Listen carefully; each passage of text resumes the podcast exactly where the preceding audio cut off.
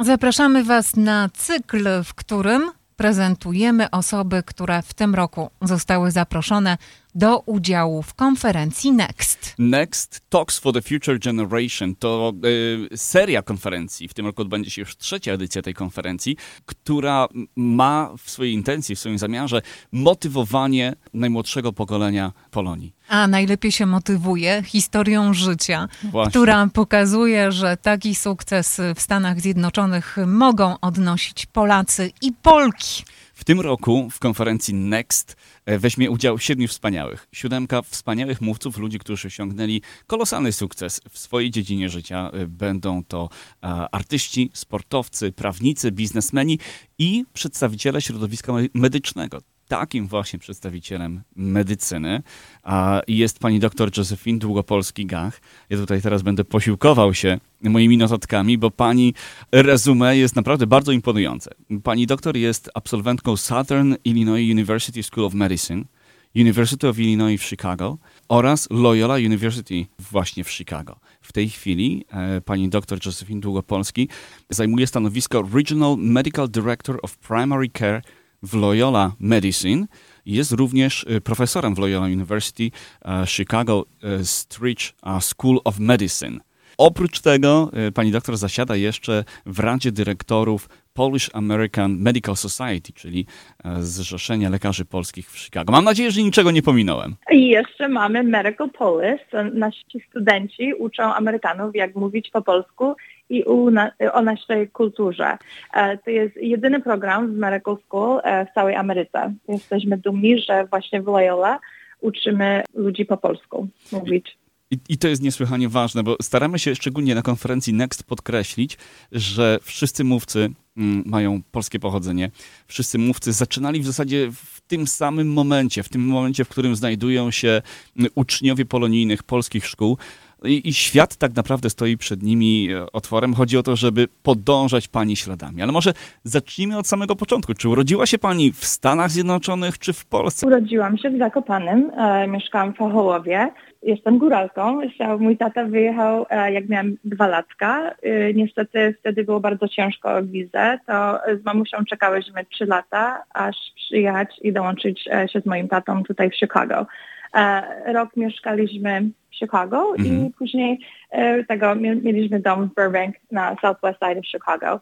E, I zaczęłam tutaj szkołę. No i sześć miesięcy, jak już byłam w szkole, no to właśnie y, jeździłam wszędzie tłumaczyć dla wszystkich, czy to było w banku, czy w sklepie, w ofisie medycznym. No i tak zaczęła się moja kariera jako tłumacz e, w wczesnym wieku. czyli w wieku kilku lat. No, bardzo często były, są takie historie. W wieku kilku lat, kilkuletnie dziecko musiało przejąć na siebie rolę no, takiego głównego jakby menedżera rodziny, prawda? Tak, ale nie wiedziałam, jak ważne to było, że dostałam darmową szkołę.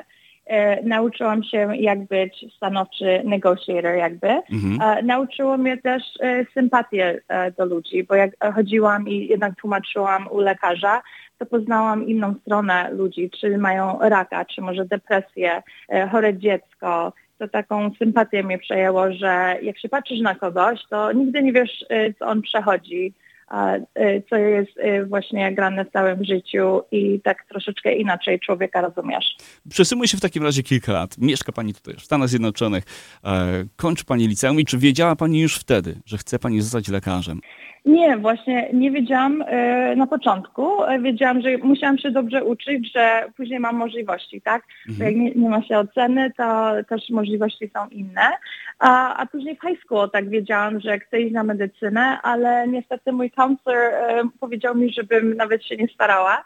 Dlatego, mimo to, że miałam bardzo dobre oceny, dlatego, że nikt w mojej rodzinie nie poszedł do college, a nie dopiero do medical school i tak mnie trochę odradzał. To zaczęłam w Loyola University e, jako School of Nursing i nic nie złego, potrzebujemy pielęgniarki, potrzebujemy wszystkich, ale po prostu jako 6 miesięcy e, po zaczęciu tak trochę sobie pomyślałam, że to nie jest moja przyszłość i zmieniłam e, i bardzo się cieszę, że zmieniłam. No i właśnie e, rob, robię to, co ja kocham. Jak wyglądało wsparcie rodziny? Bo, bo wspomniała pani o tym, że jako pierwsza w rodzinie poszła pani na studia. I, I szczególnie w nowym kraju, w nowych okolicznościach.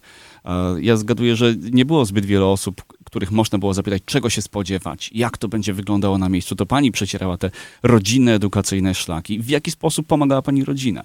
No i właśnie e, nie miałam tak kogo się zapytać. E, nawet jak składałam aplikację do college, no to moi rodzice bardzo byli e, dumni i chcieli, żebym edukację miała, ale nie wiedzieli mi sami jak mi pomóc, tak? No to mama znała profesora Dr. Leia, Fred Leia i poprosiła jego, żeby tak moim mentor był. To pamiętam w high school chodziłam do Loyola i właśnie on mnie tak popierał i powiedział mi, co mam zrobić, jak to mam zrobić. I to jest bardzo ważne, żeby kogoś mieć w życiu, że cię tak popiera i, i daje ci drogę do sukcesu. I to on był taki ważny człowiek w mojej, w mojej karierze. Powróćmy właśnie do tej kariery lekarskiej.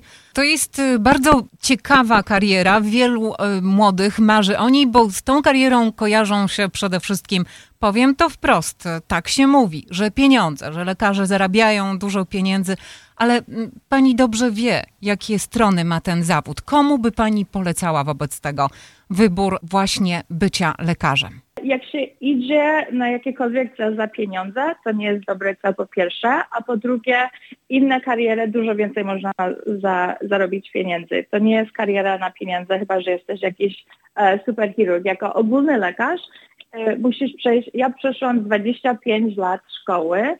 Moja pierwsza praca po szkole była jak miałam 30 lat. A teraz medical school kosztuje co najmniej tak 50 tysięcy na rok a jak nazbierasz sobie 300 tysięcy długu, no to bardzo długo to zejdzie, żeby wypłacić. To jak kariera na pieniądze, to absolutnie bym nie radziła medycynę.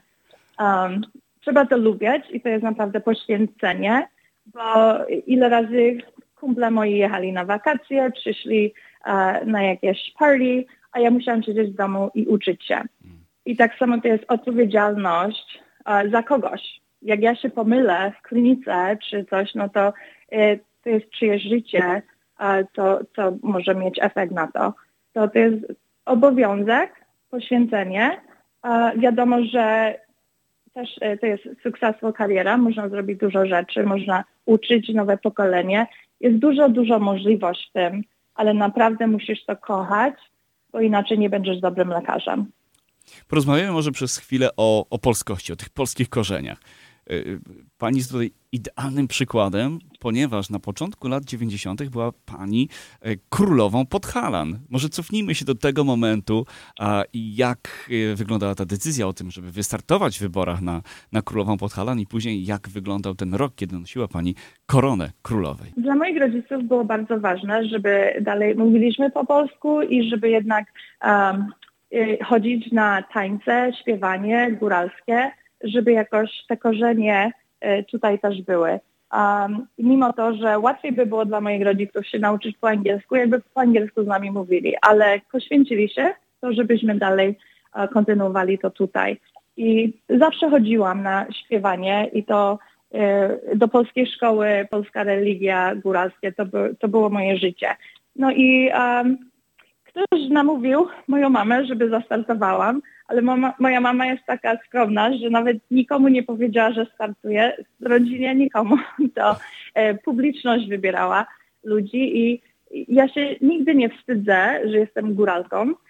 Jestem chyba pierwszą góralką, lekarką, Związek Lekarzy Polskich. Są górale, ale nie ma góralki. Mhm. To dumna jestem zawsze z tego i nigdy się nie wstydzę. Czy nawet jak mam akcent, ja wiem, że przyjechałam tutaj jak miałam 5 lat, jadę do Polski, wiem, że mam akcent, ale tak naprawdę jest okej. Okay bo ja mówię lepiej po polsku niż oni po angielsku. Pani doktor, pani praca obejmuje nie tylko wykonywanie tych obowiązków lekarza. Pani udziela się w różnych tych instytucjach, o których mówiliśmy wcześniej. Pani udziela się w środowisku polonijnym. Jest pani matką. Jak pani na to wszystko znajduje czas? A do, dobrze organizację tego i e, carpools. Muszę mieć, wiedzieć, e, które dziecko ma piłkę nożną, e, futbol, tak dalej, zajęcia, szkoły. To naprawdę przychodzi z organizacja z mojej strony. Mam kilka kalendarzy, ale da się. Jak masz poparcie czy rodziny, czy znajomych, wiadomo, że sama nie mogę być wszędzie, um, ale staram się jak najwięcej być z dziećmi, bo tak, mam trójkę dzieci. E, najmłodsza córka ma 9, e, drugi ma 15 i 17. E, co wiadomo, że chodzę do szkoły, idę na zajęcia, ale znajduję czas też e, oddawać z powrotem. E, na pielgrzymce teraz byłam, służba medyczna. To jest cały weekend po prostu e, pomagać, ale tak podbuduje człowieka i e, przypominasz sobie, dlaczego poszedłeś w ten kierunek. Doktor Józefin Długopolski-Gach, osoba, którą być może niektórzy e, zawsze będą pamiętać, nie jako byłą królową, ale ciągle królową Związku Podhalan. Jak słyszeliście, osoba wszechstronna, osoba, która jest jednym z mówców konferencji Next. Ta konferencja już w y, sobotę 1 października w Latkin Hall na prestiżowym Northwestern University. Pani doktor Długopolski będzie jednym z siedmiu mówców, e, którzy wystąpią przed em, 300 y, uczniami najstarszych klas polskich szkół. Chodzi nam o to, żeby pokazać im modele do naśladowania, wzorce, które pomogą im osiągnąć sukcesy porównywalne z tymi, które osiągnęła pani doktor. Dziękujemy bardzo za tą rozmowę i oczywiście cieszymy się bardzo, że będzie Pani mogła także właśnie e, rozmawiać z tymi, którzy będą na Next. Do zobaczenia, dziękuję. Redakcja Dziennika Związkowego w Radiu 103.1 FM.